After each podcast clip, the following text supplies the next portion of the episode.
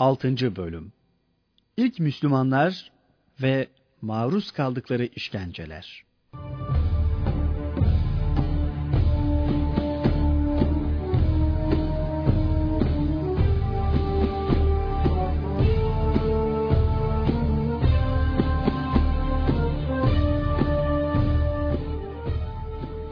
İlk Müslüman Hazreti Hatice Kainatın efendisi Hazreti Muhammed, Hira'daki ulvi mazhariyetle ilahi memuriyetini idrak etmiş ve kutsi risalet vazifesini yüklenmişti.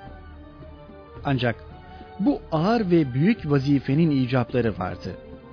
Onları yerine getirmek lazım geliyordu. Bununsa içinde bulunduğu cemiyette pek kolay olmayacağı da kendisince muhakkak bilinen bir husustu. O anda Efendimiz tek başına bir tarafa, bütün dünya bir tarafta yer alıyordu. Ve o umum dünyaya Allah'tan aldığı emirleri tebliğ edecekti. Elbette bu basit bir hadise olarak görülemezdi. Allah Resulü dünyalar durdukça insanlığa nur ve şeref olan vazifesine nereden ve nasıl başlaması gerektiğini de çok iyi hesaplıyordu.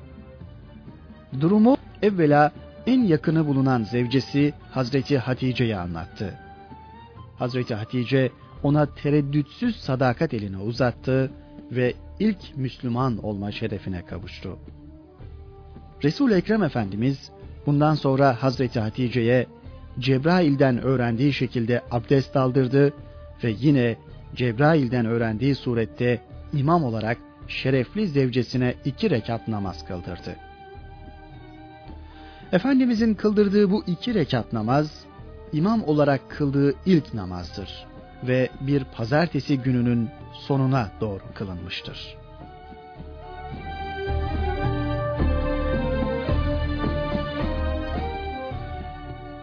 Hazreti Ali'nin Müslüman oluşu Hazreti Hatice'nin tereddütsüz iman edip Müslüman olması, resul Ekrem Efendimiz'i son derece memnun ettiği gibi şevkini de arttırdı. Artık yeryüzünde davasını tasdik ve kabul eden biri vardı. Peygamber Efendimizin İslam'a davet ettiği ikinci insan yine en yakınlarından biri olan Hazreti Ali'ydi. O 4-5 yaşından beri Efendimizin terbiyesi altında bulunuyordu ve o eşsiz terbiyenin eseri olarak akranlarına göre feraset ve ahlak bakımından üstün bir seviyedeydi. Bir gün Resul Ekrem Efendimiz'i Hazreti Hatice ile namaz kılarken gördü. Hayran hayran seyredip namaz bitince nedir bu diye sordu. Resul Ekrem ey Ali bu Allah'ın seçtiği beğendiği dindir. Ben seni bir olan Allah'a iman etmeye davet eder, insana ne faydası ne de zararı dokunmayan Lat ve Uzza'ya tapmaktan sakındırırım, dedi. Hazreti Ali bu teklif karşısında tatlı çocuk bakışlarını yere dikerek bir an durakladı. Sonra benim şimdiye kadar görmediğim, işitmediğim bir şey bu. Babam Ebu Talib'e danışmadan bir şey diyemem diye konuştu. Fakat Resul-i Kibriya Efendimiz henüz davasını açıkça ilan etmek emrini almış değildi. Bu sebeple Hazreti Ali'yi ikaz etti. Ey Ali! Eğer söylediklerimi yaparsan yap. Yok eğer yapmayacak olursan gördüğünü ve işittiğini gizli tut. Kimseye bir şey söyleme. Hazreti Ali bu ikaz üzerine sırrını muhafaza edeceğine söz verdi. O geceyi düşünerek geçirdi. Şafak aydınlığıyla birlikte gönlüne de aydınlık doğdu. Resulullah'ın huzuruna vararak Allah beni yaratırken Ebu Talib'e sormadı ki ben de ona ibadet etmek için gidip kendisine danışayım dedi ve Müslüman oldu. İlk Müslüman çocuk şerefini kazanan Hazreti Ali o sırada 10 yaşında bulunuyordu. Tedbir her zaman güzel bir harekettir. Ama bir davanın yeni yeni yayılmaya başladığı sırada çok daha güzeldir. İşte Allah Resulü Hazreti Ali'ye gördüklerini ve işittiklerini şimdilik kimseye anlatmama ve duyurmama ikazında bulunmakla, kainatta da cari olan tedbir, tedriç ve hikmet kanununa riayet ederek bizler için de bir ölçü veriyordu. Gerçekten tedbire başvurma ve zaman ve mekanın şartlarını göz önünde bulundurarak davasını yayma, Allah Resulü'nün tebliğ hayatında mühim bir yer işgal eder. İman safında yer almada Hazreti Hatice ve Hazreti Ali'yi Resul Ekrem'in oğlu edindiği Zeyd bin Harise takip etti. Müslüman olduktan sonra Hazreti Ali ile Hazreti Zeyd'in Nebi Ekrem Efendimiz'e gönülden bağlılıkları yeniden tazelendi ve güç kazandı. Artık Efendimiz'den ayrılmıyor, namaz ve ibadetlerini onunla birlikte ifa ediyorlardı. Hazreti Ali zaman zaman Resul-i Ekrem'le birlikte Kabe'ye gider, orada namaz kılardı. Ashabtan Afifi Kindi alışveriş maksadıyla geldiği Mekke'de henüz iman etmemişken Peygamberimiz Hazreti Hatice ve Hazreti Ali'yi namaz kılarken görmüştü. Müslüman olduktan sonra o hallerinden gıptayla bahsederek şöyle demiştir. Ben o zaman iman edip de onların dördüncüsü olmayı ne kadar isterdim. Peygamber Efendimiz davasını henüz umuma açıklamamış olmasına rağmen müşrikler onların Kabe'de namaz kılmalarından, yaptıkları ibadetten farklı bir ibadet yapılmasından pek hoşlanmıyorlardı. Bu sebeple bir müddet sonra Peygamber Efendimiz Hazreti Ali'ye namazlarını kırlarda, vadilerde eda etmeyi daha uygun buldular. Resul-i Ekrem'i bir gölge gibi takip eden, yalnız bırakmayan Hazreti Ali'nin bu hali anne ve babasının endişe ve telaşına sebep oldu. Bilhassa anne Fatıma Hatun fazlasıyla korkuya kapıldı. Kocasına dikkat et. Oğlun Muhammed'le çok dolaşıyormuş. Sakın ona bir şeyler olmasın dedi. Ebu Talip anlayışlı bir insandı. Durumu bizzat Peygamber Efendimiz'den öğrenmek istedi.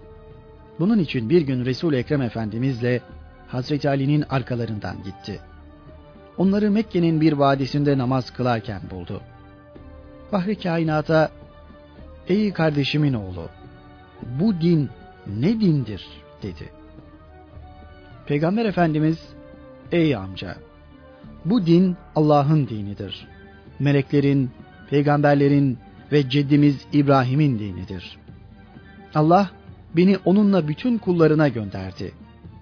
Dedi, sonra da, ey amca, doğru yola davet edeceklerimin ve bu davete koşması gerekenlerin başında sen varsın. Ve sen buna herkesten daha layıksın. Putlara tapmaktan vazgeç ve bir Allah'a iman et diye teklifte bulundu.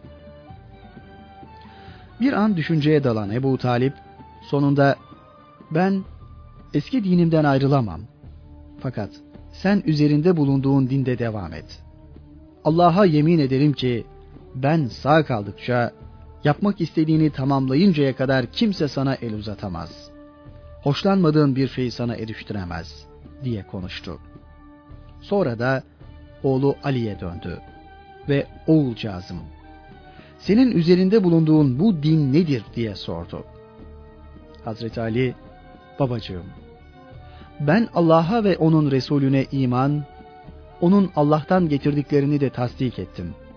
Ona uydum ve onunla birlikte namaz kıldım. Bunun üzerine Ebu Talip, ey oğlum, amcan oğlunun dinine sana da isteyerek girmek yaraşır. O seni ancak hayra davet eder, ona itaat et. Diyerek hem Resul-i Ekrem Efendimiz'i hem de Hazreti Ali'yi sevindirdi. Sonra da oradan uzaklaştı.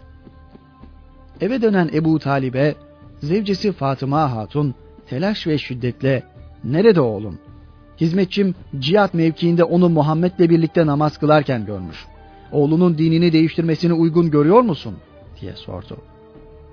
Ebu Talip sus. Vallahi amcası oğluna arka çıkmak ve yardımcı olmak elbette herkesten çok ona düşer. Diyerek telaş ve endişeye mahal olmadığını ifade etti. Sonra da eğer nefsim Abdülmuttalib'in dinini bırakmak hususunda bana itaat etmiş olsaydı, ben de Muhammed'e tabi olurdum. Çünkü o halimdir, emindir, tahirdir.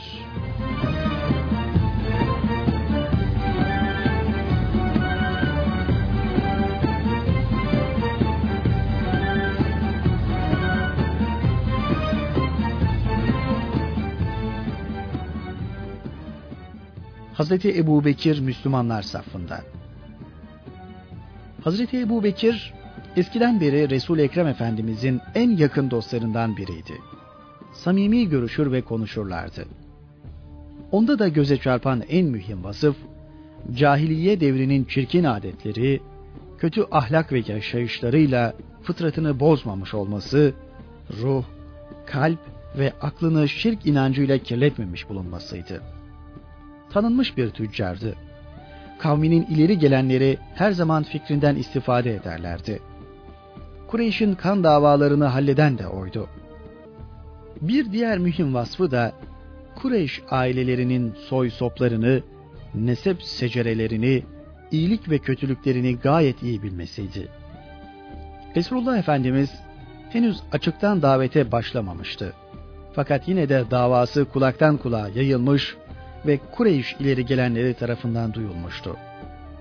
Hazreti Ebu Bekir Yemen tarafına yaptığı bir seyahatten henüz dönmüştü. Başta Ebu Cehil, Ukbe bin Ebu Muayt ve bazı Kureyş ileri gelenleri kendisine hoş geldin demek için evine vardılar. Hazreti Ebu Bekir, ben Mekke'de yokken neler olup bitti, önemli bir haber var mı diye sordu. Onlar, ey Ebu Bekir dediler. Büyük bir iş var. Ebu Talib'in yetimi Muhammed peygamberlik iddiasına kalkıştı. Biz de senin Yemen'den dönüşüne kadar beklemeyi uygun bulduk. Artık sen o dostuna git, ne edeceksen et. Hazreti Ebu Bekir derhal Fahri Kainat'ın evine vardı. Ya Ebel Kasım, peygamberlik iddiasında bulunduğun, kavminden ayrıldığın ve atalarının dinini kötüleyip inkar ettiğin doğru mu diye sordu.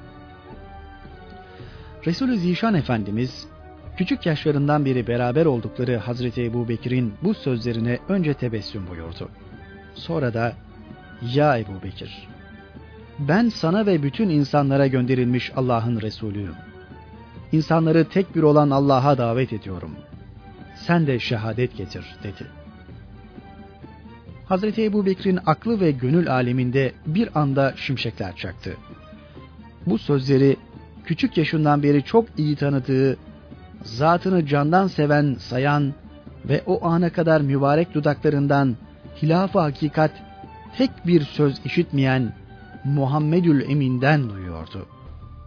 Hiçbir tereddüt emaresi göstermeden derhal Eşhedü en la ilahe illallah ve eşhedü enne Muhammeden Resulühü diyerek Müslüman oldu. İslam'a davet karşısında en ufak bir tereddüt göstermeyişini Resulullah Efendimiz onun için bir fazilet sayarak şöyle buyurmuştur. Ebu Bekir'den başka imana davet ettiğim herkes bir duraklama, bir tereddüt, bir şaşkınlık geçirdi. Fakat o kendisine İslam'ı anlattığım zaman ne durakladı ve ne de tereddüt etti. resul Ekrem Efendimiz'i bu itibarlı dostunun Müslüman olması fazlasıyla sevindirdi. Hazreti Ayşe validemizden gelen bu husustaki rivayet şöyle. Nebi Ekrem'i iki dağ aralığında Hazreti Ebu Bekir'in Müslüman olmasından daha çok sevindiren bir başka hadise olmamıştır. İslam'la şereflenen Hazreti Ebu Bekir'in daha evvel gördüğü bir rüyası da böylece gerçekleşmiş oldu. Rüyasında bir ayın Mekke'ye indiğini, sonra bölünerek şehrin evlerine dağıldığını, sonra da toplanıp kendi evine girdiğini görmüştü. Bu rüyasını o zaman ehli kitaptan bazı alimlere anlatmıştı.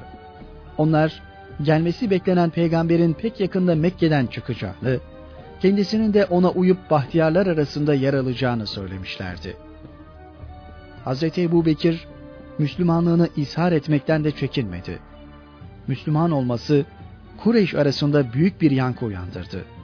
Çünkü o Kureyş içinde itibarlı, sağlam, güvenilir, sözünde sadık biriydi. Sevimliliği ve yumuşak huyluluğu da onu kavmine sevdirmişti. Hazreti Ebu Bekir, Müslüman olan hür erkeklerin ilk halkasını temsil ediyordu. Onun Müslüman olmasıyla iman halkası biraz daha genişledi. Yollar biraz daha açıldı ve müstakim caddeye yürüyen bahtiyarlar daha da arttı. Onun vasıtasıyla Müslüman olan Hazreti Bilal-ı Habeşi ile iman ve İslam nimetine erişen ve her biri adeta bir sınıfın temsilcisi durumunda bulunan ilk Müslümanlar şunlar oldu. Kadınlardan Hazreti Hatice, çocuklardan Hazreti Ali, hür erkeklerden Hazreti Ebu Bekir, azatlı kölelerden Hazreti Zeyd bin Harise, kölelerden Hazreti Bilal-i Habeşi,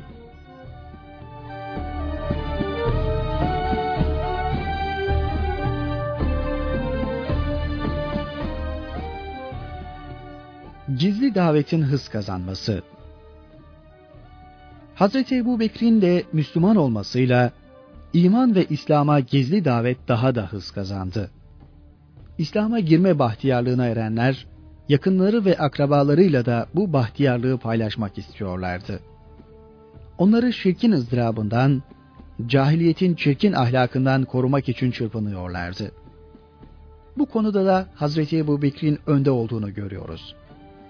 Onun vasıtasıyla gizli davet devresinde İslam'la şereflenenlerden birkaçı şunlardır. Osman bin Affan, Zübeyir bin Avvam, Abdurrahman bin Av, Sa'd bin Ebi Vakkas, Talha bin Ubeydullah. Bu beş sahabi de sonraları cennetle müjdelenen on sahabi arasında yer alacaklardır.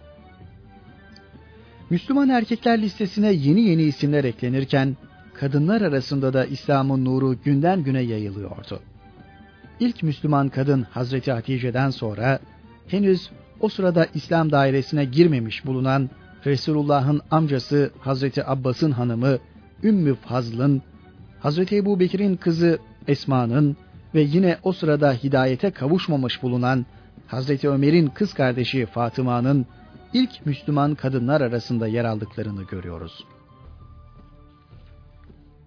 Artık İslam'a davet iki kanaldan yürütülmektedir. Erkekler erkekler arasında, kadınlarsa hemcinsleri içinde iman ve İslam nurunu yaymaya aşk ve şevk içinde devam etmektedirler. Ancak şunu da belirtelim ki kadınların iman cazibesine kendilerini daha çabuk kaptırdıkları dikkatleri çekiyordu. Bunu onların çabuk duygulanan ve derhal tesir altında kalan yaratılışları icabı saymak mümkündür. Bu arada müşrikler de boş durmuyorlardı. Hidayet güneşiyle gönüllerini aydınlatanlara hor bakmaya, onlara iftira ve sözlü hakaretlerde bulunmaya başlamışlardı. Ama bunların hiçbiri kainatta en büyük kuvvet olan Allah'a iman hakikatini kalplerine nakşetmiş bulunan bu saadet asrının mesut insanlarını korkutamıyor, davasından geri çeviremiyor, hatta en ufak bir tereddüte düşüremiyordu. İnsanların tehdit ve korkutmaları, Allah'a olan iman ve ondan korkmanın yanında, rüzgarın önünde bir toz, sel önünde bir çöp gibi zayıf ve dayanaksız kalıyordu.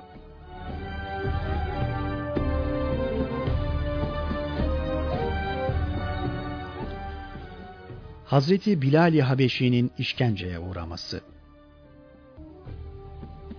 Gizli davet devresinde İslam'la şereflenen ve bundan dolayı müşriklerin şiddetli işkencelerine maruz kalan ilklerden biri de Bilal-i Habeşi diye bilinen Bilal bin Rebbah Hazretleridir.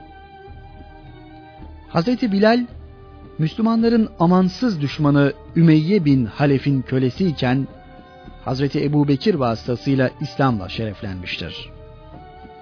Bir anda gönlünü çepeçevre saran iman nuru, Hazreti Bilal için hadsiz bir cesaret kaynağı oluvermişti. Öyle ki bir köleyken efendisini ve müşriklerin her türlü baskı, işkence ve eziyetlerini hiçe sayarak Müslümanlığını açıkça ilan etmekten çekinmedi. İmanın girmediği kalp taştan daha katı, Allah korkusunun bulunmadığı vicdan kayalardan daha hissizdir. Böyle bir kalbe ve vicdana sahip bir insanda acıma, şefkat ve merhamet aramak abestir. O insan artık bu haliyle manen canavarlaşmıştır. Hatta tahribatı cehdiyle canavarları bile geride bırakmıştır. İşte İslam'ın diğer bütün amansız düşmanları gibi Ümeyye bin Halef de böyle bir kalbin ve vicdanın sahibiydi. Ve Hazreti Bilal merhamet ve şefkat yoksunu bu kalp sahibinin kölesiydi. Bu merhamet yoksunu adamın nazarında Hazreti Bilal'in kendisini yaratan tek Allah'a iman etmesi ve onun peygamberi Hazreti Muhammed'e sadakat elini uzatması büyük suçtu. Bunun içinde o en amansız işkencelere tabi tutuluyordu. Bazen 24 saat aç susuz bırakılıyor, bazen boynuna ip takılarak Mekke'nin ücretle tutulan çocukları tarafından sokak sokak dolaştırılıyordu. Ümeyye bin Halef'in bütün bu gayretleri boşunaydı. Hazreti Bilal bir kere iman etmişti ve Allah'a teslim olmuştu. Gönlü Resulullah'ın muhabbetiyle gülşen olmuştu. Onun için bu eziyet ve işkenceler altında inim inim inlerken bile davasını müşriklerin yüzlerine yüzlerine haykırmaktan geri durmuyordu. Allah birdir, Allah birdir diyordu. İnandığı İslam davasından her türlü eziyete rağmen zerre kadar taviz vermeyen Hazreti Bilal'i bu sefer efendisi Ümeyye bin Halef kavurucu sıcaklar altında sırtını güneşin sıcaklığından ateş parçası haline gelmiş kızgın taş ve kumlara sürttürüp yaktırır. Ağzına güneşte kurumuş bir lokma et verdikten sonra göğsüne kocaman bir kaya parçası koydurur ve şöyle derdi. Andolsun ki sen ölmedikçe yahut Muhammed'i ve onun dinini inkar ve reddederek Latta Uzza'ya tapmadıkça bu azabı üzerinden eksik etmeyeceğim. Fakat vücudunun bütün zerreleriyle adeta bir iman abidesi kesilmiş olan Hazreti Bilal, ölümü göze alarak şöyle haykırdı. Ben Lat ve Uzza'yı kabul etmem. Allah birdir. Allah birdir. Bu sözleri duyan Ümeyye bin Halef bütün bütün çileden çıkar, Hazreti Bilal'in işkencesini bayılıp kendinden geçinceye kadar arttırdı. Sonra da çekip giderdi. Hazreti Bilal nice zaman sonra kendine gelirdi. Hazreti Bilal'in bütün bu dayanılmaz eziyetlere, bu çekilmez işkenceye karşı tek dayanak noktası o haşmetli ve azametli imanıydı. İman. Evet, kainatı kabzeyi tasarrufunda tutan Cenab-ı Hakk'a iman. Onun sonsuz kudretine itimat, insan için sarsılmaz, yıkılmaz bir istinat noktasıdır. O, bu kahramanca tavrıyla adeta iman hem nurdur hem kuvvettir. Hakiki imanı elde eden adam kainata meydan okuyabilir hakikatini bütün dünyaya ilan ediyordu. Yine bir gün Ümeyye bin Halef'in onu işkenceden işkenceye uğrattığı bir sırada oradan geçen Hazreti Ebu Bekir bu durumu gördü. Ümeyye'ye sen hiç Allah'tan korkmaz mısın? Bu zavallıya daha ne zamana kadar işkence edeceksin dedi. Onun itikadını sen bozdun diye cevap verdi Ümeyye. Kurtulmasını istiyorsan onu satın al da kurtar. Hazreti Ebu Bekir, ey Ümeyye dedi. Benim senin dininden siyah bir kölem var. Bundan daha güçlü, daha kuvvetlidir. Onu Bilal'e karşılık sana vereyim, kabul eder misin? dedi. Ümeyye, kabul ettim dedi. Sonra da gülerek, vallahi kölenin karısını da vermedikçe olmaz diye konuştu. Hazreti Ebu Bekir olur dedi. Ümeyye yine sinsi sinsi güldü ve vallahi bana kölenin karısıyla birlikte kızını da vermedikçe olmaz dedi. Hazreti Ebu Bekir bu teklife de olur diye cevap verdi.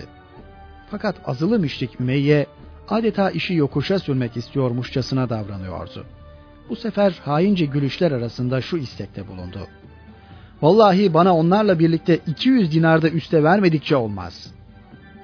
Onun bu durumuna sinirlenen Hazreti Ebu Bekir hiddetle sen ne utanmaz adamsın. Boyuna yalan söyleyip duruyorsun dedi. Ümeyye bu sefer hayır. Latta Uzza'ya and olsun ki artık bunları bana verirsen dediğimi yapacağım. Bunun üzerine Hazreti Ebu Bekir onların hepsi senin olsun dedi ve Hazreti Bilal'i bu zalim adamın elinden kurtardı. Hazreti Bilal'i alan Ebu Bekre Peygamber Efendimiz ya Ebu Bekir dedi. Onun üzerinde bir hakkın olacak mı? Hazreti Ebu Bekir hayır ya Resulullah dedi. Onu azat ettim. Hazreti Bilal'i Ümeyye bin Halef gibi azılı bir müşrikin elinden kurtarıp hürriyetine kavuşturan Hazreti Ebu Bekir, bir müddet sonra onun gibi köle olan annesi Hammame'yi de satın alıp azat etti. Hazreti Bilal-i Habeşi, Resulullah Efendimizin has müezziniydi. Bir an olsun onun yanından ayrılmak istemezdi. Fahri kainatın dar bekaya irtihalleri üzerine zatına ve yüksek ahlakına olan muhabbetinden dolayı Medine-i Münevvere'de kalmaya tahammül edemedi ve oradan ayrılmaya mecbur kaldı.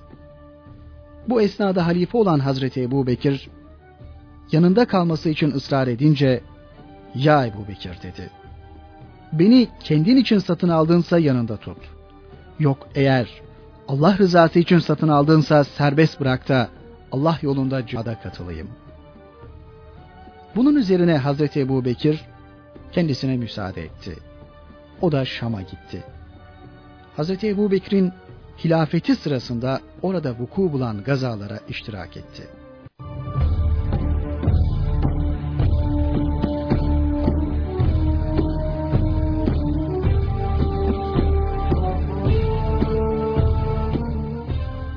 Hazreti Osman Müslümanlar safında.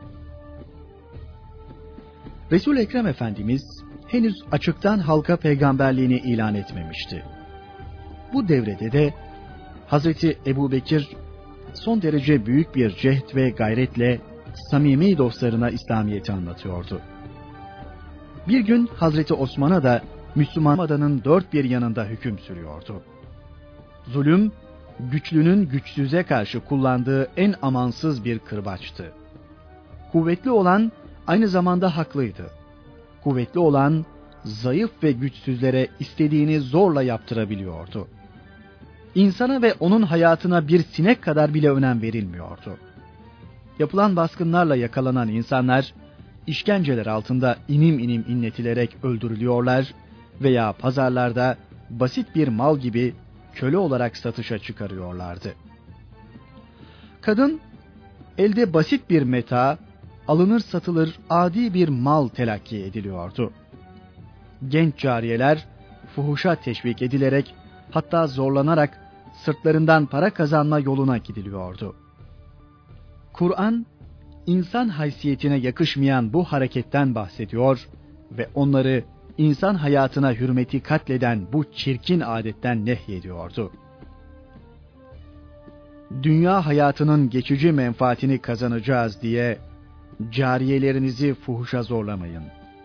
Hele iffetli olmak isterlerken kim onları zinaya mecbur ederse muhakkak ki Allah bu mecbur edilişlerinden ve tövbelerinden sonra onlar o cariyeler hakkında gaffurdur. Çok affedicidir, rahimdir. Nur suresi 33. ayet. Bir kadın birkaç erkekle birden müşterek hayat yaşayabiliyordu. Böyle bir kadın evinin damına diktiği bir işaretle kendisini halka ilan ediyordu. Üvey anne babanın terekesi arasında ev eşyasıymış gibi oğula miras olarak intikal ediyordu. Çöl Araplarının bir kısmı kız çocuklarının dünyaya gelmesini bir felaket, bir yüz karası sayarlardı. Bu sebeple doğan çocuk kız olunca bazen kimsenin görmesine bile fırsat verilmeden gaddar babaları tarafından diri diri toprağa gömülüyor veya kuyulara atılıyorlardı. Bu gaddarca hareketlerine sebep olarak hayali bazı gerekçeleri gösteriyorlardı. Diyorlardı ki, bunlar bir gün gelip şerefimizi lekeleyecekler veya sefalete düşeceklerdir. Ayrıca maişet cihetiyle de bize yük olacaklar ve rızıklarını temin edemeyeceğiz. Bazen bu anneler doğum yaklaşınca çukur kazdırırlardı. Dünyaya gözlerini açan yavru kızsa hemen çukura atılır, üzeri toprakla örtülürdü. Babalar öldürmeyi kararlaştırdıkları kızlarını 6 yaşına gelince güzel elbiseler giydirerek sanki akraba ziyaretine gidiyorlarmış gibi çöle götürürlerdi. Zavallı çocuk orada daha önce kendisi için hazırlanmış mezara bırakılır, üzerine de toprak atılarak diri diri gömülürdü. Gömmek istemedikleri kız çocuklarına ise kalın yün kumaştan bir cübbe giydirilip onlara deve veya koyun çobanlığı yaptırılarak cemiyetten tecrit etme yoluna giderlerdi. Kur'an-ı Kerim çöl Araplarının bu çirkin ve vahşet saçan adetlerini şu ayetiyle bize haber verir. Onlardan birine kız doğum haberi müjdelendiği zaman öfkelenerek yüzü kararıyor. Verilen müjdenin bıraktığı kötü tesirle utanıp kavminden gizleniyor.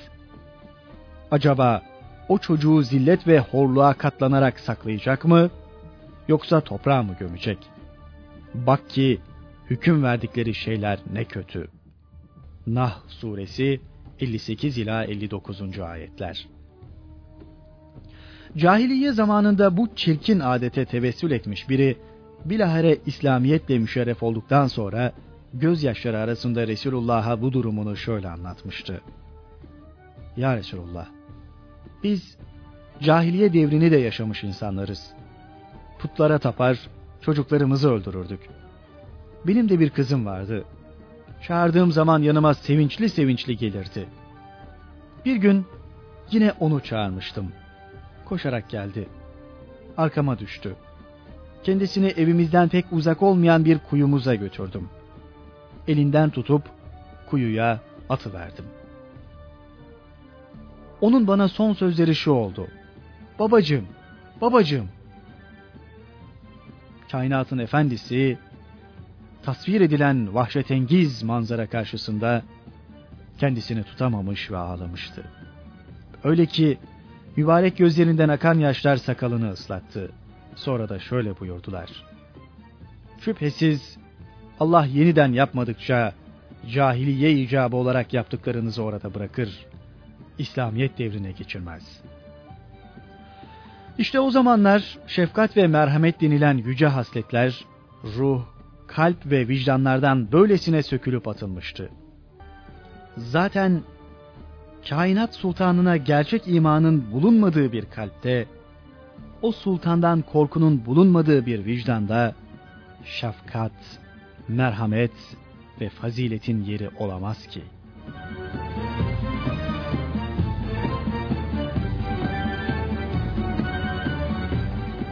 Arabistan'da siyasi nizam Cahiliye devrinde Arabistan siyasi bir nizam ve içtimai bir düzenden de mahrum bulunuyordu. Ahalinin ekserisi göçebe hayatı yaşıyordu. Kabilelere bölünmüşlerdi. Kabile, içtimai düzenlerini kendi aralarında temin eden bir toplumdur. Bu göçebeler devamlı surette birbirleriyle çekişme halindeydiler. Her an başkasına saldırmaya, malını talan etmeye, namusunu lekelemeye hazır bir hayat tarzı içinde bulunuyorlardı. Baskın ve yağmacılığı adeta kendileri için bir geçim vasıtası kabul etmişlerdi. Kendilerine düşman olan kabileye baskınlar düzenler, develerini sürüp götürürler, kadın ve çocuklarını esir alırlardı. Aralarında düşmanlık eksik olmazdı.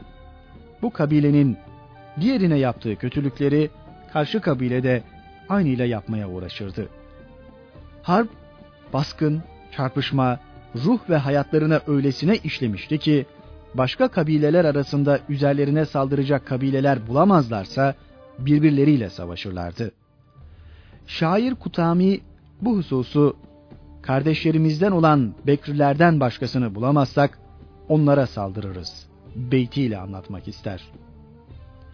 Öteden beri kabileler ve aşiretler halinde yaşıyorlardı merkezi bir hükümet etrafında toplanmayı düşünmemişlerdi.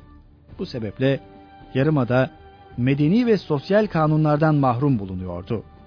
Bu yüzden de karşılıklı zulümler eksik olmuyor, çarpışmalar, vuruşmalar devam edip gidiyordu. İsteyen istediğini gücü yettiği takdirde yapabiliyordu. Güçlünün ve itibarlının yaptıkları daima yanına kar kalırdı.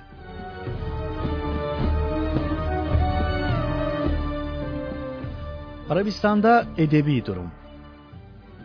Bütün yanında inkarı mümkün olmayan bir gerçektir ki İslamiyet'in zuhuru sırasında Araplar edebiyat, belagat ve fesahat konularında tekamülün zirvesinde bulunuyorlardı. Bu hususta kendileriyle boy ölçüşecek yeryüzünde hiçbir millet mevcut değildi. Şair ve şiir onlar için her şeydi. Çünkü şiir atalarının cemiyet hayatını, adet ve inançlarını aksettiren tek güvenilir aynaydı. Cemiyette şairler büyük değer sahibiydiler ve büyük hürmet görürlerdi. Öyle ki kabilelerinde güçlü bir kahraman yerine bir şairin çıkmasını her zaman tercih ederlerdi. Zira yegane gayeleri olan şöhreti en güzel şekilde yayabilecek olan ancak şairdi. Yılandan korkar gibi şairlerin hicivlerinden çekinir ve korkarlardı. Şairler onlar tarafından birer kahraman kabul ediliyordu. Öyle ki bir şairin bir tek sözü üzerine kabileler birbirleriyle kıyasıya çarpışıyorlardı. Yine bu şairin bir tek sözüyle de yıllardan beri birbirleriyle kanlı bıçaklı olanlar bir anda barışabiliyorlardı. Eski zamanda şiire Arap'ın defteri deniliyordu. Zira Arap'ın ahlak ve adetleri, diyanet ve akideleri ancak şiirle biliniyor ve onunla nesilden nesile intikal edip geliyordu. Bu devirde şiiri besleyen ve teşvik eden birçok unsur vardı. Güçlü bir şair hem kendisi hem de kabilesi için itibar sağlıyordu. Yine muayyen zamanlarda kurulan panayırlar şiirin gelişmesinde büyük rol oynuyordu. Kurulan bu panayırlar bir nevi edebiyat şöleniydi. Panayırlarda jüri huzurunda şiir ve hitabet müsabakaları düzenlenirdi. Çeşitli yerlerden gelen şairler ve hatipler burada şiirler okur, hitabetlerde bulunurlar, birbirlerine üstün gelmek için bütün güçlerini ortaya koyarlardı. Üstünlük sağlamakla da son derece iftihar ederlerdi. Sonunda jüri tarafından birinci seçilen şiir, keten bez üzerine altın yaldızla yazılarak Kabe duvarına asılırdı. Taif ile Nahle arasında bulunan Sukkı Ukaz, panayırların en büyüğüydü. Çoğunlukla şiir yarışmaları burada tertip edilirdi. Panayırlar aynı zamanda bir çeşit fuar mahiyetini de taşıyordu. Bütün kabilelerin bir araya geldiği ticari, içtimai ve siyasi faaliyet sahalarıydı. Zilhicce ayında açılan panayırlar 20 gün devam ederdi. Esirini fidye ile kurtarmak, davasını halletmek, düşmanını bulmak, şiir okumak, hutbe irad etmek isteyen herkes bu panayırlara koşardı. Şiire bu derece önem verilmiş olması, dilin en ince şekilde incelenmesi sonucunu hazırlamıştır. Böylece İslam'ın zuhuru sırasında Arabistan'da edebiyat, fesahat ve belagat zirveye ulaşmıştı. Adeta görünmez bir el, zihinleri ve ruhları Kur'an-ı Mucizil Beyan'ın insanüstü üslubuna hazırlıyordu. Arapların bu mümtaz hususiyeti haiz bulunmaları sebebiyledir ki, Kur'an-ı Azimüşşan, edebiyat, belagat ve fesahatin zirvesinde nazil oluyordu. Bu fesahat ve belagati, mucizeliği ve vecizliğiyle Arap edip, şair ve hatiplerini muarazaya davet ediyor ve onlara meydan okuyordu. Fakat onlar çok geçmeden bu eşsiz kelama bir benzer getirmenin mümkün olmadığını anladılar ve susmak mecburiyetinde kaldılar. Kur'an'ın üslubu öylesine veciz, öylesine tatlı, öylesine fesih ve beliydi ki bu işi iyi bilen Araplar hayretlerini gizleyemiyorlardı. İşte Efendiler Efendisi Hazreti Muhammed'e peygamberlik vazifesi verileceği sırada Arabistan'ın dini, ahlaki, siyasi, içtimai ve edebi manzarası böyleydi. Bu dehşet ve vahşet saçan manzarayı değiştirecek bir zata elbette ihtiyaç vardı. O zat da ezeli kaderin hükmüyle tespit edilmişti. Hazreti Muhammed sallallahu aleyhi ve sellem. O, beraberinde getirdiği nurla dünyanın maddi manevi şeklini değiştirecekti. İnsanların yüzlerini dünyadan ahirete, fani sevgilerden mahbubu bakiye çevirecek ve bununla insanı maddi manevi saadete erdirecekti. Allah tarafından peygamber olarak vazifelendirilecek olan bu zat, insanların başıboş olmadığını, kainatta atomdan güneş sistemlerine, yıldızlardan galaksilere kadar her şeyin kutsi bir gaye için dönüp dolaştıklarını, kainatın umum heyetiyle ulvi bir maksada hizmet ettiğini bildirip ilan edecek olan zattı. Bu zat, ahlaksızlık çamurunda boğulmaya yüz tutmuş insanlığı en güzel ahlakı ders verecek, kurtaracak zattı. Bu zat, kainat niçin var edilmiş, insanlar nereden gelmiş, niçin gelmiş ve nereye gidecekler gibi suallere en güzel cevapları verecek zattı. Bu zat, insanın sahibi Allah'ın insanlardan neleri istediğini, razı olduğu ve olmadığı şeylerin neler olduğunu gayet açık bir şekilde beyan edecek zattı. Bu zat, yalnız bir kavme, bir millete değil, bütün insanlığa Allah'tan aldığı emirleri bildirecek, ilan edecekti. İşte bütün dünya gibi Arabistan Yarımadası da böylesine büyük vazifeleri yerine getirecek zatın ortaya çıkmasını dört gözle bekliyordu.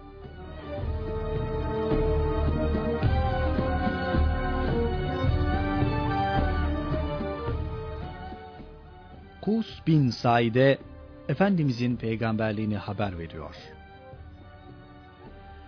Kainatın efendisine peygamberlik vazifesinin verilmesinden birkaç yıl önceydi. Arap'ın cahiliye devrinde iki meşhur panayırından biri olan Hicaz'daki Sukkı Ukaz, renk renk yüzlerce insanla dolup taşmıştı. İçlerinde pek çok Arap belileri de vardı. Bu sırada kızıl tüylü bir deve üstünde yüz yaşını aşmış bir piri fani peydahlandı. Gözleri çukura kaçmış, yaşlılıktan iki büklüm olmuş fakat ruhu aydınlık bu süvari, İyad kabilesinin büyüğü Kus bin Saide'ydi. Cenab-ı Hakk'ın varlık ve birliğine, haşir ve neşre inanan Kus, Arapların şairi, hatibi ve hakimiydi. Fesatıyla dillere destan olmuş bu zat, dikkat kesilmiş ve derin bir sükuta dalmış yüzlerce insana beligane şöyle hitap ediyordu. Ey insanlar! Geliniz, dinleyiniz, belleyiniz. İbret alınız. Yaşayan ölür, ölen fena bulur. Olacak neyse olur. Yağmur yağar, otlar biter, çocuklar doğar, annelerinin ve babalarının yerini alır. Derken hepsi ölüp gider. Hadiselerin ardı arkası kesilmez. Hepsi birbirini kovalar. Kulak tutunuz. Dikkat kesiliniz. Gökte haber, yerde ibret alınacak şeyler var. Yeryüzü bir büyük divan, gökyüzü yüksek bir tavan. Yıldızlar yürür, denizler durur. Gelen kalmaz, giden gelmez.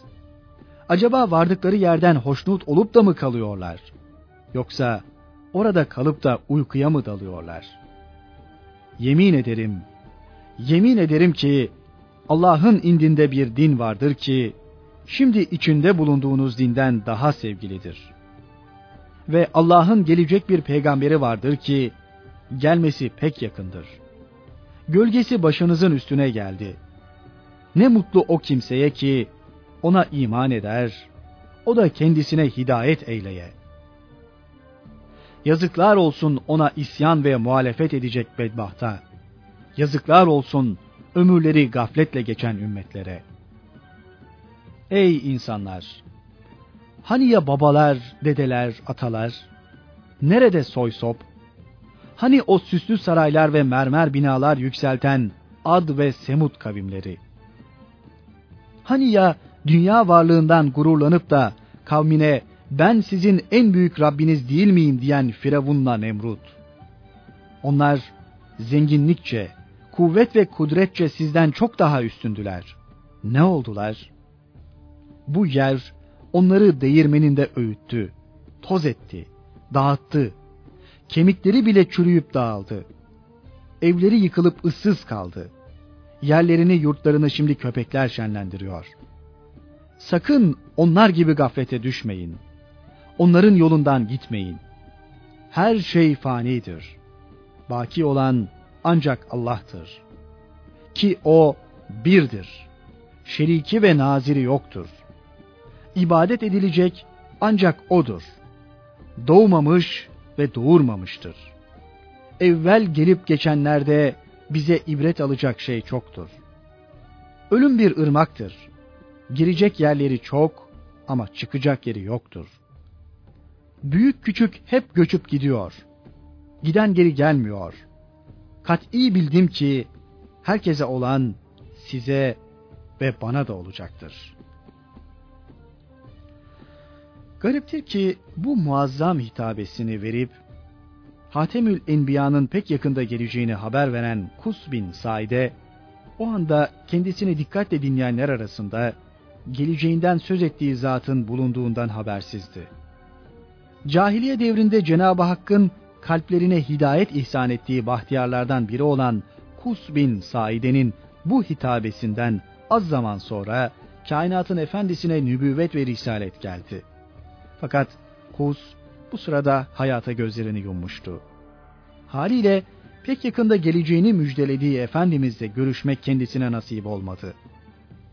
Aradan yıllar geçti. Beni İyad'ın müvahhid ve Hazreti İsa'nın dinine mensup bulunan büyüğü Carut bin Ala adındaki zat, kavminin ileri gelenleriyle birlikte vasıflarını öğrenmek üzere Resulullah Efendimizin huzuruna vardı. Peygamber Efendimiz'e ne ile gönderildiğini sorup öğrendikten sonra, seni hak peygamber olarak gönderen Allah'a yemin ederim ki, senin vasfını İncil'de buldum. Seni Meryem'in oğlu müjdeledi. Sana devamlı selam olsun ve seni gönderen Allah'a da hamd olsun. Elini uzat. Ben şehadet ederim ki Allah'tan başka ilah yoktur ve sen Allah'ın Resulüsün. Diyerek Müslüman oldu. Onu takiben de diğer arkadaşları İslamiyet'e girdiler. Bu durumdan fazlasıyla memnun olan Fahri Kainat Efendimiz sordu. İçinizde Kus bin Saide'yi bilen var mı? Carut, elbette ya Resulullah dedi. Hepimiz onu biliriz. Hususan ben hep onun yolundan gidenlerdenim. Bunun üzerine Resul-i Zişan Efendimiz şöyle buyurdular. Kus bin Saide'nin bir zamanlar Sukkı Ukaz'da bir deve üzerinde yaşayan ölür, ölen fena bulur, olacak neyse olur diye okuduğu hutbesi hiç hatırımdan çıkmaz. O bir hayli söz daha söylemişti. Zannetmem ki hepsi hatırımda kalmış olsun. Mescitte hazır bulunan Hazreti Ebu Bekir atılarak, Ya Resulullah dedi. Ben de o gün Sukkı Ukaz'da hazırdım. Kus bin Said'in söylediği sözler hep hatırımdadır.'' Müsaade buyurursanız okuyayım. Sonra da mescur hutbeyi başından sonuna kadar huzuru risalette okudu. Bunun üzerine heyetten de bir kişi ayağa kalktı ve Kus'un şiirlerinden birkaçını daha okudu. Bu şiirlerinde de o, Harem-i Şerif'te Haşim oğullarından Muhammed'in peygamber gönderileceğini açıkça zikir ve beyan etmişti. Bütün bunlardan sonra Resulullah Efendimiz de cahiliye devrinde hidayet yolunu bulmuş bu bahtiyar için şöyle buyurdu. Ümid ederim ki Cenab-ı Hak kıyamet gününde Kus bin Saide'yi ayrı bir ümmet olarak haşreder.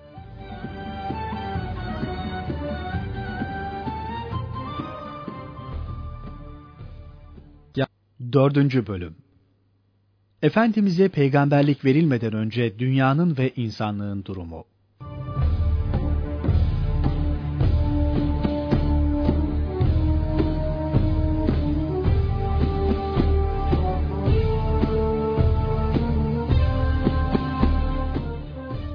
Kainatın efendisine risalet vazifesi verilmeden önce insanlığın ve dünyanın manevi çehresini tanımak ve bilmekte fayda vardır.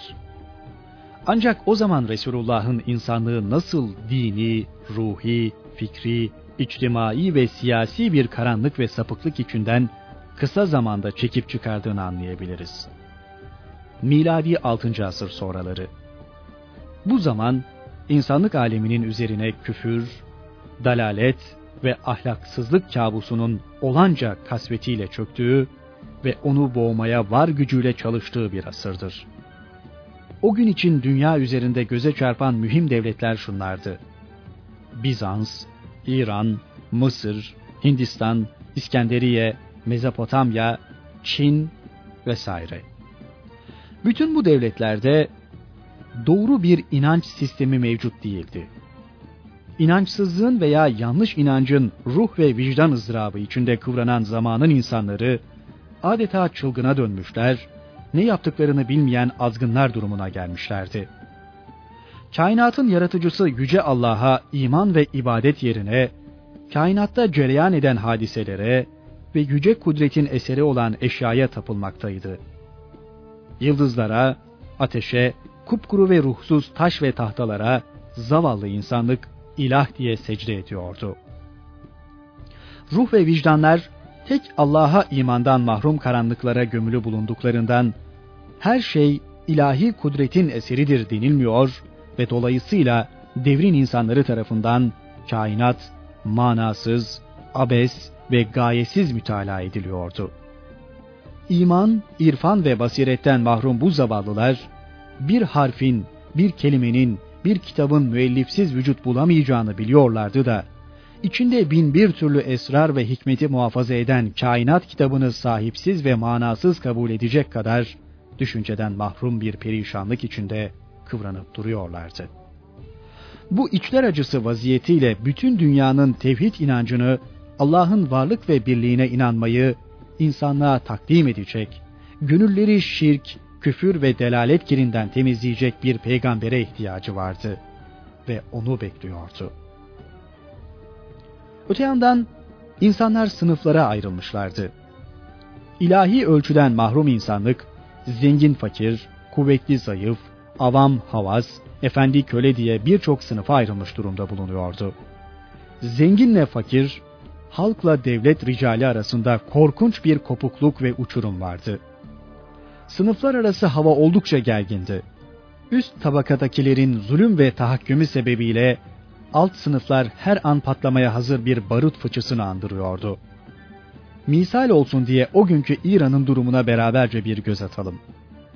Birçok iptidai kavimde olduğu gibi İranlılarda da birbirinden tamamen ayrılmış ve ilk üçü en aşağı tabakada olan, dördüncüsünden bütünüyle kopmuş dört sınıfa, kasta ayrılmıştı. En yüksek olan üç sınıf, münhasıran Magi kabilesinden alınan ve bu itibarla Magipet veya Möbet denilen rahipler ve hakimler, cengaverler ve resmi memurlardı. Rençber ve sanat sahiplerinden mürekkep kısımda dördüncü sınıfı teşkil ediyordu. Sözde halk denilen zümre ise hür şehirlerden ve toprağa bağlı esir ve kölelerden mürekkepti ve bu sonuncuların vazifeleri hiçbir mükafat ve ücret karşılığı olmaksızın tarlalarda veya orduda çalışmaktı. Bunlar tamamıyla kendi hallerine terk edilmiş, aşılmaz manialarla ayrılmış oldukları, mal ve mülkünden serbestçe faydalanan, dehkanlığa yani şehirliliğe bile yükselmeyi ümit edemezlerdi. Doğu Roma İmparatorluğu'nun hali daha da acıklı ve ibretliydi. Halk kendiliğinden birçok tali sınıfa ayrılmıştı. Bunlar birincisi ne orduya alınan ve ne de herhangi bir çeşit ticarete girişebilen toprak sahiplerinden mürekkep Kürül denilen sınıf, ikincisi İran'daki benzerleri gibi toprak sahibi olmayan, nüfus vergisi veren, babadan oğula intikal eden muhtelif loncalara bağlı vergi veren halk, üçüncüsü askeri sınıftı. Bu konu üzerinde bir yazarın dediği gibi, toprağı eken çiftçiler, saray halkını doyuran ve giydiren birer aletten başka bir şey değildi. Orta Doğu'nun hatırı sayılır bir tarihçisi olan Finlay, Doğu Roma'nın, Bizans'ın o zamanki perişan durumunu bakınız nasıl hülasa eder. Justinian'in ölümüyle Muhammed'in doğumu arasında geçen zaman zarfında olduğu gibi belki tarihin hiçbir devrinde ahlakı bu derece kadar bozulmuş bir cemiyet ve o cemiyette Yunanlılar ve Romalılar kadar irade ve faziletten mahrum milletler görülmüş değildir. Avrupa'da halk aristokratların, şövalyelerin, kilise adamlarının zalim elinde, kralların, barbarların şefkatsiz pencereleri arasında ruhsuz bir eşyadan, dilsiz bir hayvandan farksızdır. İstenildiği zaman alınır, arzu edildiği zaman da satılırlardı. İtiraza hiçbir hakları yoktu. Satılan köle durumuna girerdi. Köle olmasa bile efendisinin dizi dibinden ayrılma güç ve kuvvetinin sahibi bulunmayan birer hizmetçi olurlardı. Hiç kimse efendisini beğenmemek hakkına sahip olmadığı gibi efendisini seçmek yetkisine de malik değildi. Sadece şu vardı. Bazı barbar memleketlerde hizmetçi ilk efendisine muayyen bir kurtuluş akçesi vermek suretiyle bir başka kapıya kendisini atabiliyordu. Bu onlar için haliyle büyük bir lütuftu.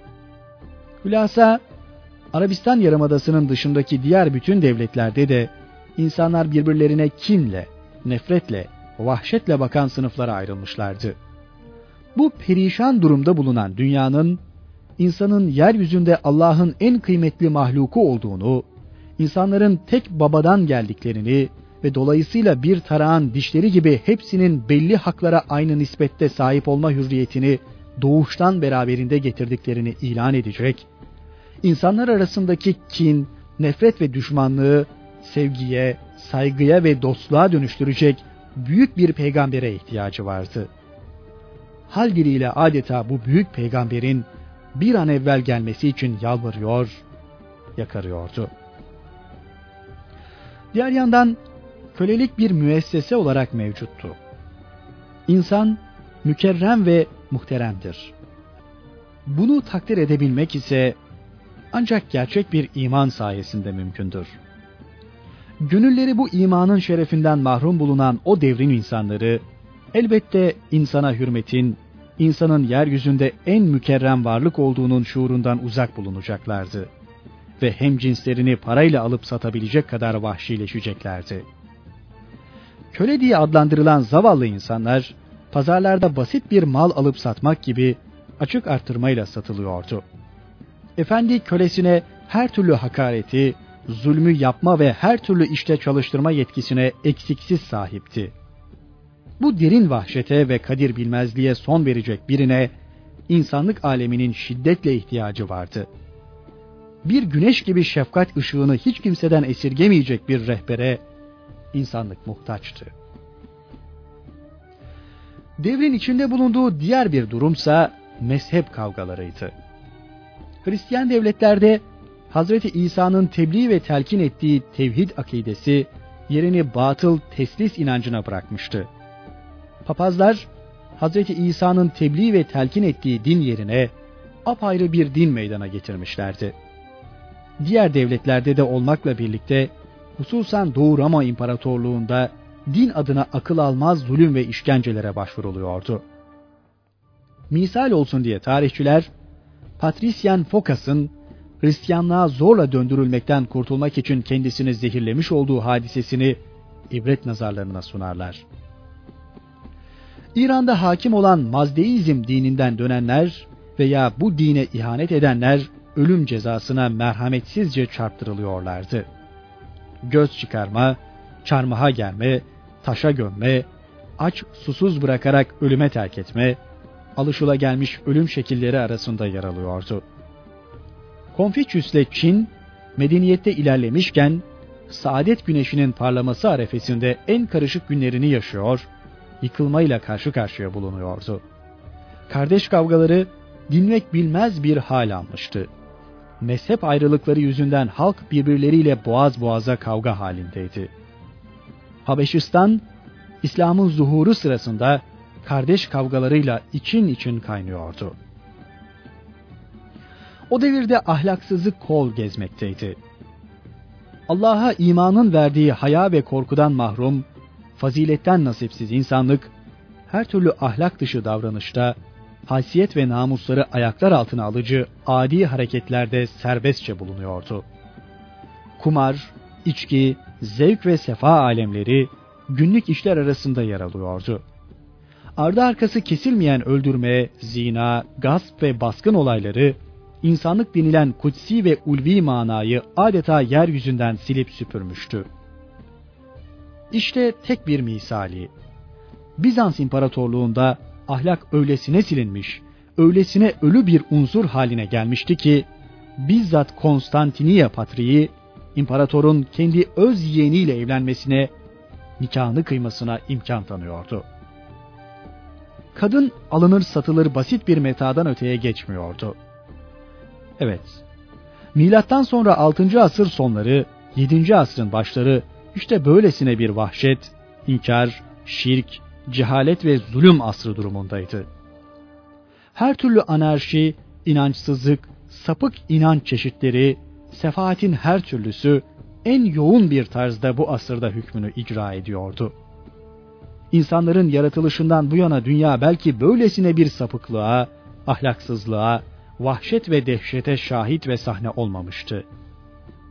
Manevi rehberden mahrum insanlık, avare su gibi taştan taşa başını vuruyor, her vuruşta kalp, ruh, vicdan ve haysiyetinden bir şeyler kaybediyordu.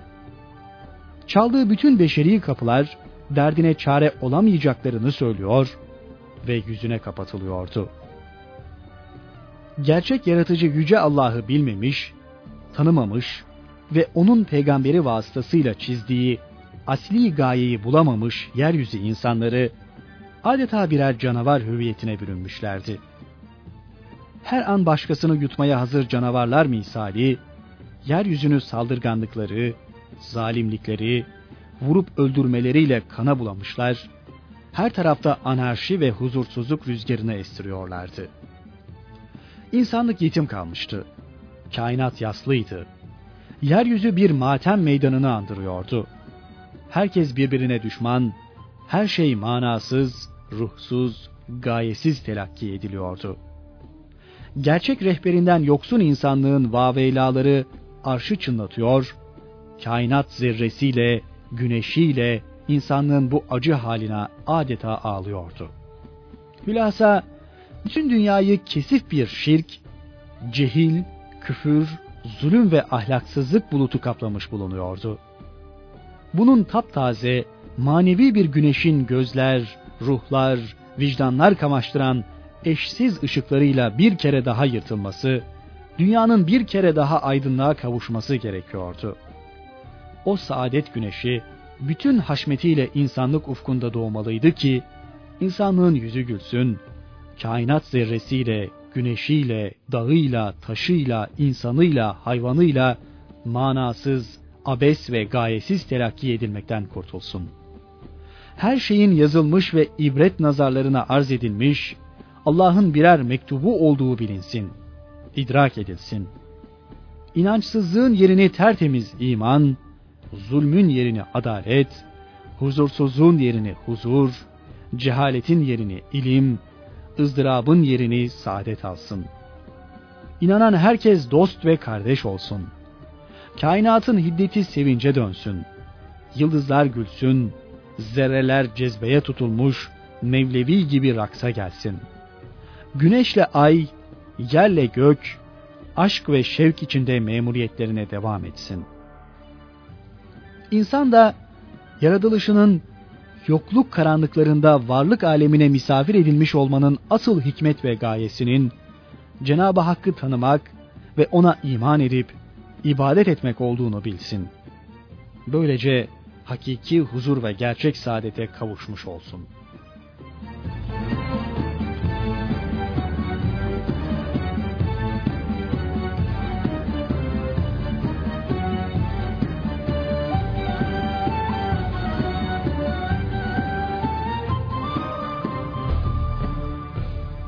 Arabistan'ın durumu Dünya haritası üzerinde siyasi, coğrafi ve ticari açıdan mühim bir yer işgal eden Arabistan'ın da diğer dünya ülkelerinden farklı bir tarafı kalmamıştı. Orada da lisan ve edebiyat istisna edilirse her şey çığırından çıkmış, bütün müesseseler bozulmuştu.